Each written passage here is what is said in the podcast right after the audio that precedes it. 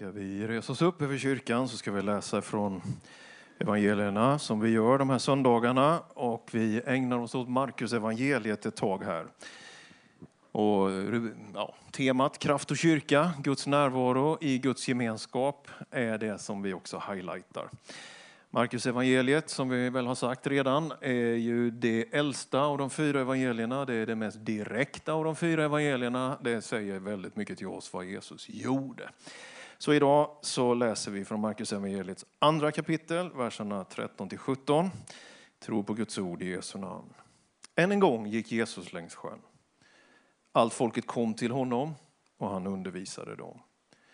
När han gick vidare såg han Levi, Alfeus son, sitta vid tullhuset. Han sa till honom, följ mig. Då reste sig Levi och följde honom. När Jesus sedan låg till bords i hans hus var det många tullindrivare och syndare som låg till bords tillsammans med honom och hans lärjungar. Det var många som följde honom. De skriftlärda bland fariseerna fick se att han åt med syndare och tullindrivare och de frågade hans lärjungar varför äter han med tullindrivare och syndare? Jesus hörde det och sa till dem, det är inte de friska som behöver läkare utan de sjuka. Jag har inte kommit för att kalla rättfärdiga utan syndare. Yes, amen. Varsågod och sitt ner.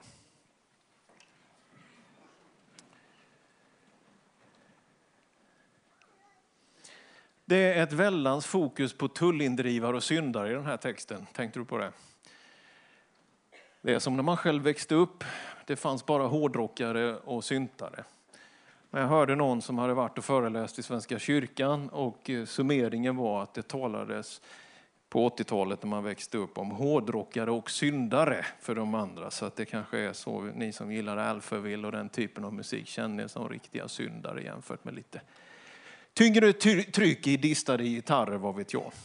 Nej, men det är ju så här att de här tullindrivarna, de jobbade för den romerska ockupationsmakten. De hade en eh, bra inkomst själva, men framför allt drog de av befolkningen en slags förslavande skatter hela tiden. De var genomkorrupta och levererade pengar hela tiden till ockupanterna. Vi förstår, de var inte särskilt omtyckta. Va? De dyker upp här och där i evangelierna och Jesus verkar bry sig mycket om dem. Och den här killen som dyker upp här lever intressant på flera sätt utifrån det Gud gör med honom. Han blir ju en evangelist, han blir en författare av ett evangelium. Och han är en av de här tullindrivarna. Flera av de andra tidiga lärjungarna de var fiskare uppifrån Galileen. Och de hade faktiskt, törs jag påstå, inte riktigt lika mycket att riskera att börja följa Jesus som exempelvis Levi Matteus. Därför att de kunde alltid gå tillbaka till det de gjorde innan. Men den dörren var stängd för den här killen, det vågar jag påstå. Det fanns ingen möjlighet att återta en plats i detta på något sätt korrupta nätverk när han väl så småningom skulle komma och lämna det. Vi är olika människor här inne, vi har olika bakgrunder. Många av oss vill följa Jesus, en och annan kanske inte är mogen eller öppen för det. Full respekt för det. Givet vår bakgrund, vår uppväxt, kanske det land vi har vuxit upp i, den familj vi har vuxit upp så har det kostat mer eller mindre att ta ett beslut att gensvara på de här två orden, följ mig, som finns i den här texten. Det har kostat olika. Och därför så behöver en gemenskap, en kyrka som samlas runt Jesus också veta det att redan i den tidiga lärjungagruppen, och inte minst nu när vi är många fler, så finns det en bredd, det finns en, en brokighet och vi behöver vara en gemenskap som också respekterar att vi har olika liksom, steg, olika vägar och olika bakgrunder. Jag vill att du ska känna att det här är miljön och myllan där man liksom får komma utifrån det som har varit, men där man ändå får ta sina steg. Att det alltid finns ett väg, en, en väg vidare och ett steg vidare som det gjorde för den här mannen och för alla de andra som kom i kontakt med Jesus. Jag gillar strofen i början av den här texten. där Det står att Jesus gick än en gång liksom längs sjön. Du vet den där strandkanten. platsen där kanske skog och mark och åkerfält går över grus och sten och sand som sen blir vatten. Det är en slags mötesplats mellan det jordiska och himmelska. Det är, det är en slags fötternas horisont att känna av att du har sjön framför dig, vattnet och det på något sätt helt obegränsade och du har begränsningarna i någon mening bakom dig. Det är lite grann som att vila blicken vid horisonten. Där är Jesus. Jesus kommer till dig vid din strandkant där du är någonstans. Där du befinner dig med allt som är bakgrund av sly och, och nässlor och, och, av skog och av buskar. Eller kanske vackra vida fält. Vi var i Danmark i somras, det är så vackert i Danmark på Jylland. Och allt finns ju som också är vackert i det vi har bakom oss. Och det finns mycket vackert utanför kyrkan. Det finns många sekulära människor som har ett mycket rikare liv än vad jag har till exempel. Men Jesus kommer gående vid strandkanten ännu en gång. Det verkar vara en bra miljö för honom. Det är där han interagerar med Petrus. Det är där han efter sin uppståndelse och alla Petrus tvivel och förnekelse, det är där Jesus lagar frukosten till lärjungarna efter sin uppståndelse och där påskmiraklet liksom etableras. Det är där vid stranden. Då kom Jesus gående. Han är i de där brottsplatserna, alltså i brytpunkterna där våra liv är på väg att förändras. Det var ett sånt tillfälle när Jesus kallar Levi Matteus. Jesus gick längs sjön. I vår rörelse så finns det i historien en, en, en, känd författare. Han var känd innan han kom till tro och, och, så kom han till tro på Jesus och blev en del av pingströrelsen. Han heter Sven Lidman. Många av er vet att han växte upp sina somrar här på Jäkneberget i Västerås. Han hade en farbror som har gjort varenda steninskription där borta på Jäkneberget. Och Sven Lidman hade sina somrar. Sven Lidman han predikar att när en människa kommer till tro så är det inte så att hon blir en totalt annorlunda. Att Gud gör om henne nytt. Liksom. Om, man, om man har blont hår och så kommer man till tro på Jesus, då blir man inte brunett. Liksom. Jag är ledsen om du tycker du har lite för stor mage och så låter du döpa Hop, så försvann magen. Nej, det funkar inte riktigt så. utan Även om jag har sett karismatiska sammanhang i, i, i Afrika, man kan gå fram för förbön för instant weight loss. Va? Så att man går fram för förbön, får en förbön, får man hålla i byxorna på vägen ner tillbaka sen för att det har skett ett mirakel. Jag vet inte om det är på allvar, men nu börjar, en del av er kommer googla Youtube i eftermiddag, jag förstår det. Det finns mycket i den karismatiska kristenheten man kan fundera över. Nej, Sven Lidman han säger, det är inte så att du är liksom totalt annorlunda. När jag tror jag är vänstern så blir jag frälst, då blir jag högerhänt. Det funkar inte så, men han gör något nytt i dig. Pånyttfödelsens under i dig. Alltså du har ditt skogsbryn, du har din strandkant, du har din personlighet. Det du har gjort, det du inte har gjort, det andra har gjort mot dig och vad andra inte har gjort. Allt det där som är summan av våra liv. Så säger Sven Liv, men Gud kan göra någonting nytt i det. Mitt i det. Det tar inte bort verkligheterna. Bra ekonomi, dålig ekonomi, arbete, inget arbete, vänner, inga vänner, hälsa, sjukdom. Men Jesus går med dig på din strandkant. Det tycker jag är fint. Jag uppskattar det. Jag uppskattar den liksom, tonen i evangelierna, att där Jesus är, där blir man inte fördömd. Utan man får hjälp att rikta blicken ut mot horisonten och se möjligheterna. Det öppnar sig ett nytt hav eller en ny sjö som är möjlig för dig att gå på. Och Sven Lidman, samme Sven Lidman säger också att jag vaknar en gång när han håller tal för studenter i Stockholm så säger han varje morgon vaknar jag som naken på nådens strand. Det blev som ett epitet för honom i hans förkunnelse, naken på nådens strand. Att på något sätt bara få vara då, det här vi ofta säger, den man är. Men ändå vara öppen inför Gud. Jag kommer så att säga naken inför honom. Och det är en plats av nåd där han ger det nya steget i våra liv. Lovat vare Herrens namn att det är liksom en, ett läge där, ett möte där som sker gång efter gång med person efter person. Och det skapar en förvandlad situation för den här, kan vi säga då, korrupte Levi. Levi har också ett annat intressant liksom, sammanhang med sitt namn. För dig som är van bibelläsare så känner du igen begreppet Levi från gamla testamentet. Det var en av de tolv stammarna. Och det var den stammen som inte fick ett geografiskt område. Utan dessa som tillhörde Levis stam, de skulle tjäna i synagogan och i templet. De skulle bidra till folkets gudstjänst. Det var predikanterna kan man säga. Det var de som skulle finnas bland hela befolkningen över hela landet. Det finns någonting utöver Levis namn och vad Gud gör med honom. Att han kommer från en korrupt situation av att plocka av folk så mycket pengar som möjligt till att få ett möte med Jesus som ska leda honom till att ge så mycket som möjligt till det folk, det levitiska, det prästerliga, att fördela välsignelse. En kyrka som vår inför val, det är val om en vecka. Vi är tacksamma för demokrati och allmän rösträtt för kvinnor och män. Eller hur? Visst är vi tacksamma för demokratin. Vi kan ha något att säga in i detta, vi kan vara profetiska in i detta. Men vi får aldrig glömma att vi ska vara levitiska eller prästerliga i detta.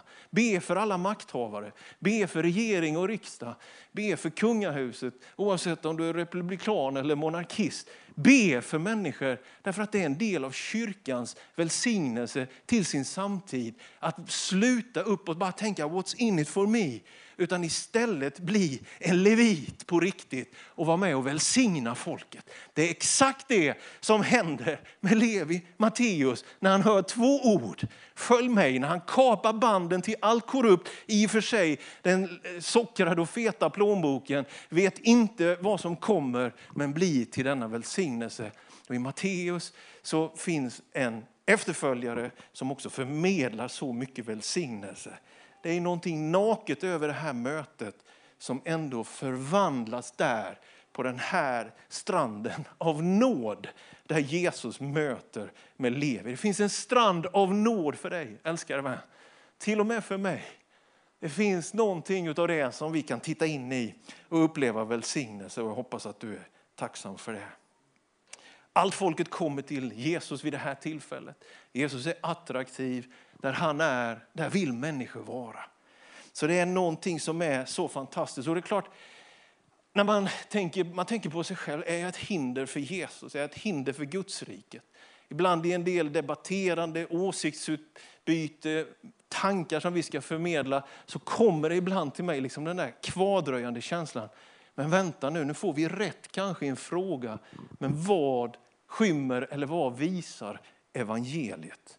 Där Jesus är, det är Jesus folket i Västerås och Västmanland behöver få möta på sin strand. Jag tror inte en lunta av dokument, inte en uppfattning, inte en dom över sitt liv, utan en chans till att få följa med honom, gå med honom, leva med honom, älska, bli älskad och se att det finns ett steg vidare för alla. De drogs till honom. Jag tycker det är så vackert. Allt folket kom till honom. Jag tror att det behovet finns fortfarande även idag. Och jag tror att det är jättemånga västeråsare som ber till Gud på kvällarna under täcket. Jag tror att det är jättemånga människor omkring oss som kanske visar sig avoga till kyrka och etablerad religion och tro, men som ju har detta djupa behov av att få lägga sitt liv och sin framtid i någon annans hand än det egna intellektet eller den egna kapaciteten. Allt folket kom till honom. Jag, jag känner som att i, i min tanke är alla västeråsare med i Pingstkyrkan i Västerås. Jag, ty, jag tycker det. Jag uppfattar det så att det är egentligen så det är. De har bara inte fattat det och de tycker vi är dryga och jobbiga, men egentligen är de med. De vill och de tror. Och de, de, de, de tror med droger, de tror med, med pengar, och de tror med karriär, de tror med alla möjliga grejer. Det gör väl vi också i någon mening. Men det man djupast söker, även här i hela vårt län, Västmanlands hela liksom, territorium, så tror ju jag att Jesus har skapat varje människa, för han vill vara med dem. Och någonstans i djupet av oss finns det här lidmanska, liksom, nakna på nådens strand, hos den mest förhärdade ateist, så finns det ändå, och det tar sig uttryck ibland i den varma blicken eller det generösa bemötandet, det som inte vi orkar sätta ord på, jag tror på Jesus Kristus som min personliga frälsare och Herre och därför låter jag döpa mig. Så finns det ändå en större sektor av bedjande, troende människor som tar emot och som behöver få bli påminda av en kyrka som visar dem till honom. Allt folket kom till honom. Jag tycker det är en fin målsättning att tänka så. Att folk fortfarande, alla människor, har ändå någon slags gudagiven, skapelsegiven längtan som de inte alltid själva vet om eller kan sätta ord på. Och vi behöver respektera detta. Men i den myllan av hans respekt så kommer de där orden. Följ mig. Följ mig. Vet, man kan ju fundera då, liksom, när, när vi har sådana här skurkregimer som finns över världen med diktaturer som på något sätt lyckas med, med desinformation och repressiv liksom hållning. Alltså att man, man straffar, man, man hotar, man, man sprider propaganda. Man lyckas kuva folk. Så kan man fundera över det Jesus säger, följ mig. Är detta ett totalitärt förhållningssätt från honom också? Är det så att de här lärjungarna, när det står om Levi, att han lämnade som det står här. Han lämnade, han reste sig och följde honom. Är Jesus en diktator? Och så skulle jag kunna nämna namn och ni tänker på namn just nu säkert. Är det den typen av nivå det handlar om att tro på evangelium, att vara med i en församling, att följa honom? Han är kungars kung och han är herrars herre. I den här kyrkan och många andra så sjunger vi lovsånger till Gud och vi prisar Gud och vi säger vi vill följa dig, vi vill lyda dig, vi vill lyssna på ditt ord. Allt det där är sant.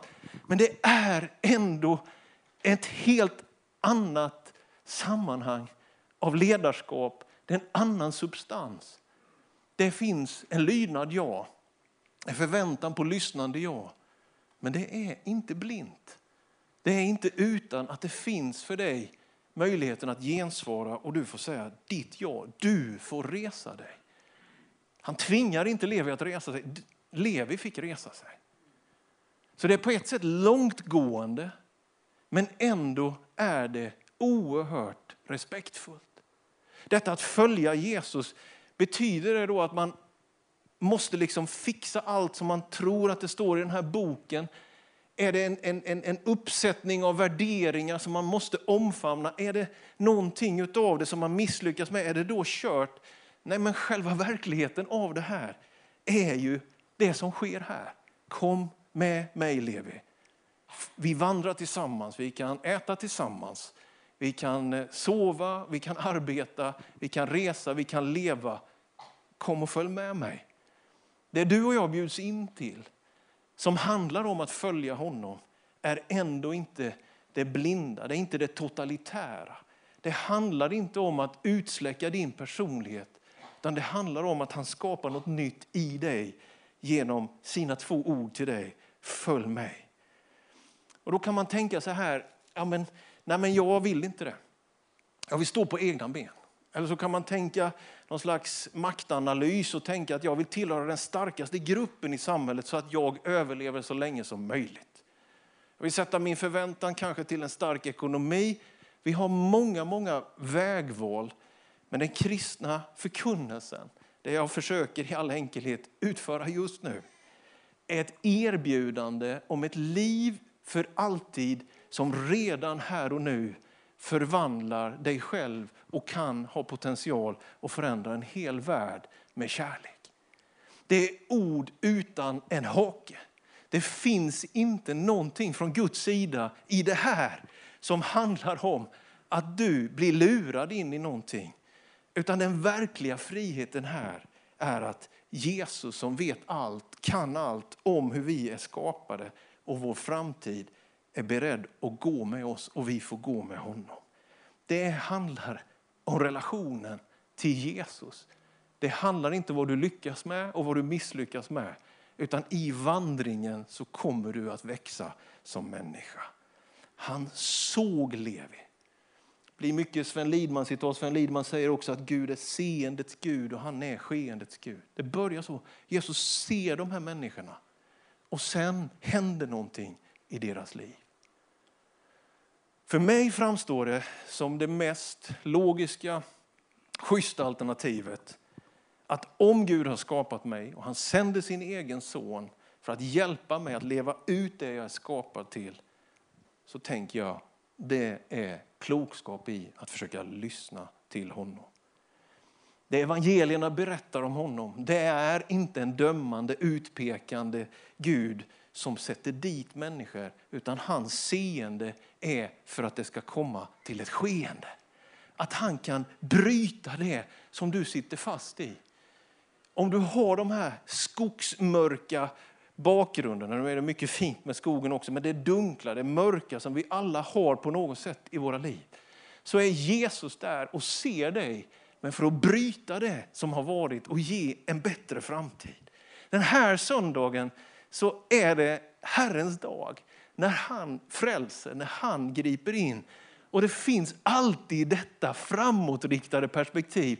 Så vad du än har varit med om så går han där vid stranden och så säger han bara följ mig Daniel, nu går vi vidare, följ mig. Anna, följ mig. Jakob, följ mig. Maria, följ mig. Och så börjar någonting i en vandring där man kommer loss ur detta. Och vet du, jag tror att det är det hela vår värld behöver. Det är ju vår ödmjuka bekännelse att vi tror att det vore det bästa för alla att få höra från honom, få se, att bli sedd av honom och att få leva med honom. Det som händer här förvandlar Levis liv men har potential till hela den omgivningen och allt det som det blir runt omkring det. Nej, det är inte totalitärt. De var ju en brokig grupp även efter detta. Snälla någon, de var ju bröder som skickade fram morsan och frågade vem får främsta platsen. Det fanns ett väldans processande hos en del av dem. Det var en del av dem var hetlevrade och de var inte riktigt sams och någon av dem lät sig korrumperas. Redan bland de första tolv som hade privilegiet att ha Jesus så fysiskt nära så var det ett rörigt gäng kan jag säga. Och att komma med i en församling och uppleva Guds kraft innebär inte att ja, då blir det så smidigt och alla håller med mig och alla röstar på samma parti som jag gör. Alla tycker det är fantastiskt liksom, när just det hockeylaget vinner. Nej, välkommen till en rörig kyrka. Välkommen till en kyrka där folk kommer att provocera dig. Välkommen till en gemenskap där det finns alla möjliga bakgrunder. Men vi har alla kommit till den här strandkanten och känt att jag vill följa Jesus. Och i det får vi göra det tillsammans. Det är, en, det är någonting så vackert över detta i en tid som är så full av bara tendenser, utspel, att testa, så står Jesus där och säger följ mig. Han som är vägen, sanningen och livet, han som personifierar Guds närvaro. Han står där, följ mig. Det är så lätt att bli lurad och, och den stora liksom på något sätt Frestelsen i vår tid är väl distraktioner. Vi har så svårt att fokusera. Det är det som gör att många har svårt att liksom klara saker och genomföra saker. Och vi alla på något sätt bara flyger åt alla håll och kanter. Så står Jesus där vid stranden liksom och säger följ mig, Levi. Och så kan du sätta in ditt namn i detta. Jag har bett till Gud om att den här hösten den ska vara lätt, den ska vara positiv vill inte ha det dystra just nu. Vi behöver mycket pepp och inspiration. Vi behöver glada sånger, vi behöver uppmuntran, vi behöver glädje. Därför att vi håller på att gå under som kontinent och nation i en självförverkligande, kryptisk, förvirrande, inåtgående rörelse där allt fokus ska läggas på vad människan själv ska utföra. Vi behöver vara det annorlunda folket som säger vi fixar inte det här själva. Vi behöver vara det annorlunda folket som säger kom med mig till en strand. Det finns en man där som kommer att hjälpa dig att gå rätt genom livet. Han kommer inte kasta ut provballonger. Han kommer inte att liksom göra sina tester på dig och så växer ser ut något, något grönt och blått i huvudet på dig liksom, och ser vi om det var bra eller dåligt. Han kommer att föra dig in i evigheten på en god och fin väg för han älskar dig. Du är inte liksom ett, ett redskap för hans förverkligande. Han förverkligar sig själv i människan. Det är ju det som är det stora, att Gud inte liksom letar efter det som duger i oss. Han skapar det som han älskar i oss. Han ger det och han underhåller det och han förverkligar det. Vi älskar Jesus, gör vi inte det? Låt det vara så att man är, de, de, de här pingstvännerna är lite knepiga och frikyrkliga och kristna. Man förstår inte alltid vad de håller på med. De äter bröd och säger att det är hans kropp och dricker vin och säger att det är hans blod. Och kan vara ganska provocerande. Så ska man ner under vattnet och upp igen. Och en del undrar hur länge ska man vara ner under vattnet och så vidare. Det går, att, det går att göra allting väldigt konstigt. Men så kan man komma ihåg att kristen tro och kyrkans liksom styrka och kraft är just detta. Det är inte gudstjänsten, det är inte du och jag på det sättet, utan det är ju han som går där på stranden och säger följ mig. Det är han som liksom tänder stjärnorna som vi navigerar efter. Det, oj, det är han som håller sin bergspredikan. Eh, så händer nästa passage i den här texten. Och det är att Jesus äter tillsammans med Levi och hans kollegor och lite annat löst folk som kallas för syndare. Det skulle vara 2022 det va? Välkommen till fest här. Det är för syndarna, här kommer alla syndarna. Men det står så, Markus skriver så. Alla syndarna är där. Jesus ligger till bords. Inte så vanligt tror jag egentligen bland judar, men, men däremot i, liksom i Mellanöstern under antiken. Och det står i de engelska översättningarna, he reclined. Står det. Och syndarna reclined. Jag vet inte om du har sett en sån fåtölj, en recliner. Man fäller tillbaka fåtöljen. Min kära mor har en sån i sin lägenhet där hon bor. Det är första jag går och sätter mig varje gång jag kommer till henne. Jag testar den där recliner, trycker på knappen så långt bak det går. Så kan man ligga där en liten stund och så sätter mamma på kaffe och så finns det en twist på så där kanske. Känner man, känner man livet är bra liksom. Det är den feelingen som är här. Det är flera än jag som tycker om att komma hem till mamma. Men ni bekänner inte det så här öppet kanske, jag vet Jesus är tillsammans med dessa människor och det verkar som att han är relaxad i en rörig då miljö. Vi vet ju inte exakt vad det var för typ av synder, om man ska akta sig för att gradera dem. Men det var människor som kämpade med livet, kan vi väl liksom bara summerat konstatera det. Sådana som du och jag. Men Jesus verkar inte vara spänd som en fjäder. Utan han är relaxad. And Jesus reclined. Och det står likadant om de här som är där. And they reclined with Jesus. Alltså det var en middag, en kväll som handlar om att de kunde slappna av med Jesus. De bar på sina bördor. De hade sin brokiga dunge bakom sig. Men nu var de med Jesus. Och då kan man slappna av. Du vet om, om kyrkan är som man blir spänd som en fjäder. Då är det något som är fel i kulturen.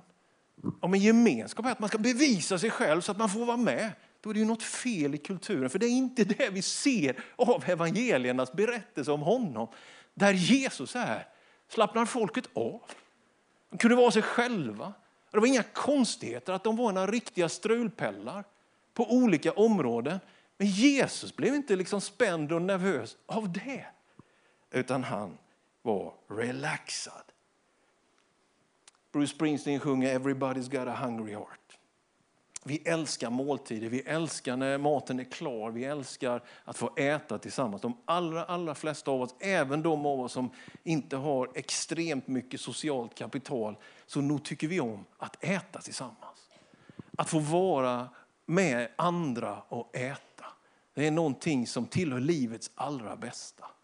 Och kyrkans primära strategi är faktiskt definierad på det sättet. Nästa söndag kommer bordet dukas här och vi delar bröd och vin i nattvarden. Jesus själv, hans bord till vilket vi bjuds in till. Jesus låg till bords i Levis hus.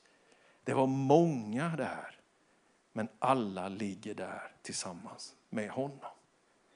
Ja, så kommer de här rättfärdiga som tycker att det inte är riktig ordning. Varför äter han med tullindrivare och syndare? Men Jesus hör detta. Han ser människan Levi och syndarna och han hör hycklarna och de självrättfärdiga kan vi säga. Och han säger till dem, de som behöver läkare, det är inte de friska, det är de sjuka. Jag har inte kommit för att kalla rättfärdiga, utan för att kalla syndare.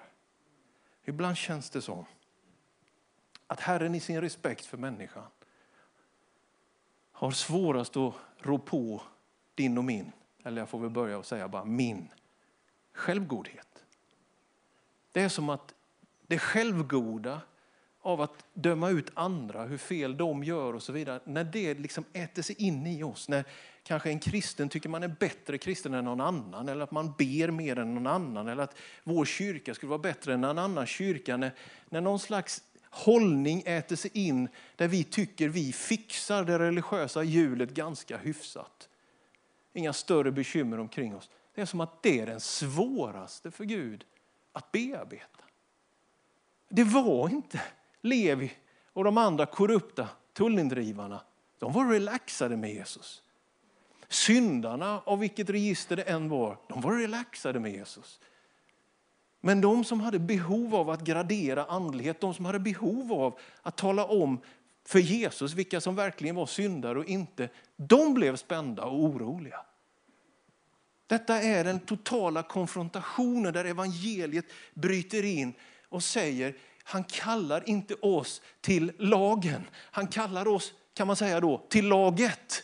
Han kallar oss inte till åsikten och förklarande att du och du och du klarar det på egen hand så du kan checka av. Utan han kallar dig till laget, kyrkan och fyller den med sin heliga andes kraft. Och där man får slappna av och där man slipper mäta och man slipper detta självgoda. För vi på något sätt förstår, då kommer vi verkligen inte bli använda av Gud.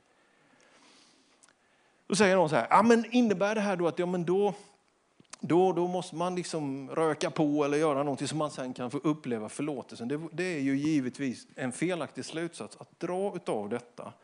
Men jag tror att om man aldrig någonsin själv har känt inom sig att om inte någon bevisar mig nåd nu, då går det här åt skogen. Om inte jag får lite mer kärlek än vad jag faktiskt förtjänar just nu, då klarar inte jag det här. Om du aldrig någonsin i ditt liv har tänkt den tanken, utan du tänker jag ger i kollekten, jag läser Bibeln, jag sköter mig, så är jag rädd för att det som blir runt omkring dig är inte en relaxad miljö där så att säga tullindrivare och syndare slappnar av, utan de känner sig dåliga. Om du aldrig någon gång själv på riktigt har känt av att om inte Gud hjälper mig nu så klarar inte jag det här. Så har du heller inte smakat hans djupa, långtgående kärlek av att kunna se allt utan att hata dig eller någon annan, utan vilja det bästa i ditt liv. Och därför är det inte farligt att konfronteras inom sig själv med det man skäms för och ändå säga Jesus hjälp mig. Det är när vi själva upplever kraften i evangeliet som vi kan vara ledda av honom till att förmedla det till andra. Jag är helt övertygad om att Levi Matteus gick från korrupt bedragare av människors ekonomiska utsatthet till att förmedla välsignelse. Det avgörande är ju såklart det här. Att få möta Jesus som han bemöter människor. Behoven i vår församling bördorna som många av er bär. Det finns föräldrar i den här församlingen som kämpar dygnet runt för att klara av vardagen med sina barn. Det finns människor som tillhör den här församlingen som har burit tunga bördor i många, många år. Det finns människor som är unga och tillhör den här församlingen som inte någon egentligen gång får sitta vid ett dukat bord och äta tillsammans. Vi är inte en perfekt församling där allt är välordnat och därför kan alla bara ställa upp. En del av oss och er kommer till vår gemenskap och vi är trötta, vi är desillusionerade, vi känner att vi har misslyckats, vi har det kämpigt hemma. Det här ska inte vara en församling där man kommer när man har fixat det, utan det här ska ju vara en församling för att man behöver hjälp med att få det fixat i sitt liv. Det andliga perspektivet som är livgivande handlar ju inte om att man visar sig när man klarar det, utan man behöver visa upp också sitt närvaro och sin längtan efter Gud när man behöver det. Jag lider med dig om du har gått år ut och år in i kyrkan och alltid är butter, alltid är besviken, alltid tycker att det är någonting som är... Om inte, det liksom, om inte Jesus, hans närvaro i ditt liv på något sätt så liksom definiera dig och din blick på dig själv, om evangeliet är långt borta från din verkliga tanke om tro, så måste jag säga att jag lider med dig. Det är ett tungt ok att bära, att tänka att jag ska sköta, jag ska fixa, jag ska duga. Det är ett oerhört tungt ok att bära och det sprider ingen positiv väldoft omkring sig. Men att istället få möta honom på strandkanten, att få ligga till bords med honom och konstaterar att vi är en hel grupp som är där. De här veckorna nu, jag går ner för landning med det, så peppar jag dig att i tre veckor läsa ett litet avsnitt ur Markus evangeliet varje dag. Du behöver inte läsa ett helt kapitel om inte du vill. Du får läsa så mycket du vill. Men åtminstone ett avsnitt. Att du under de här tre veckorna skulle få känna av det där mötet med Jesus på nytt igen genom att läsa om honom och fundera över vad han gjorde. Jag tror du och jag, vi behöver bege oss till den där strandkanten många gånger. Att få vara liksom i det fysiska, praktiska och göra något tillsammans med andra i den där röriga gruppen som kallas kyrka. Att få säga sitt tack Jesus, att få vara öppen med det som är ens tro. Det är någonting av det som jag unnar dig den här söndagen. Kraften låg aldrig i din egen styrka. Kraften låg i den gemenskapen där Kristus är i centrum och där han förvandlar våra liv genom att bara säga följ mig. Vi står upp tillsammans nu så ska vi be.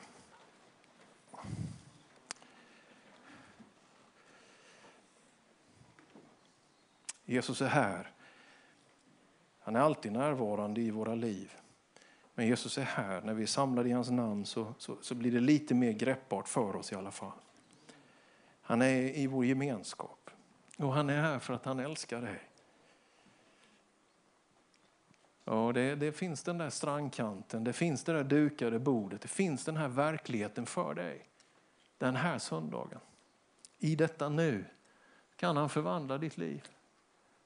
Och Du ska känna dig respekterad med allt det som är så rörigt och krångligt i ditt liv. Du ska känna respekt. Liksom. Därför ingen enda av oss liksom är insläppt av meriter, utan av nåd. Du ska känna dig respekterad om du känner att jag orkar inte gå till kyrkan. Du ska känna dig respekterad. Det finns perioder man inte orkar gå till kyrkan. Det finns perioder man inte kan bära lika tungt ansvar som man kanske kan i andra. Det, det finns olika säsonger. Men det du måste akta dig för det är det här hycklandet av att du ska lite kortsiktigt må bättre genom att tycka att någon annan är sämre. Följ mig, säger Jesus. Följ mig, följ mig. Följ mig. Vi är en väckelserörelse. Det betyder att man får gensvara. Och då i respekten för varandra kan vi bara stå där vi står. Du kan titta på dina skor eller blunda. Så du behöver inte liksom titta vad andra nu gör. För nu kommer man få en chans att räcka sin hand. Om en liten stund kommer man kunna gå och få personlig förbön om man vill det. Men just nu så vill jag bara fråga ut över den här salen. Om det här är ditt moment. Kanske inte alls är det, kanske är helt inaktuellt. Men för några kanske det ändå är det läget att den här söndagen och de här orden från evangelierna på något sätt ändå gör någonting inom dig. Att du är beredd att räcka din hand och säga att jag, jag vill följa Jesus. Jag vill ge mitt liv till honom, jag vill följa honom, jag vill bli en troende idag. Då kan du just nu räcka upp din hand. Kanske jag ser den, men det är Gud som ser den. Räck din hand just nu. Jag ser ju fyra, fem händer här. Sex. Jag kikar lite grann på läktaren också om det skulle vara någon där uppe. Kanske jag har sett sju. Jag har nog sett åtta nu. Gud välsigne också dig. En till, två till där på läktaren. Ja. Det är tio personer som räcker sin hand. En till där ja. Tack Jesus att du ser eh, varje människa. Du såg Levi det som var hans historia, hans skogsdunge liksom. Men du såg också vad det skulle kunna bli av honom. Tack att det är så.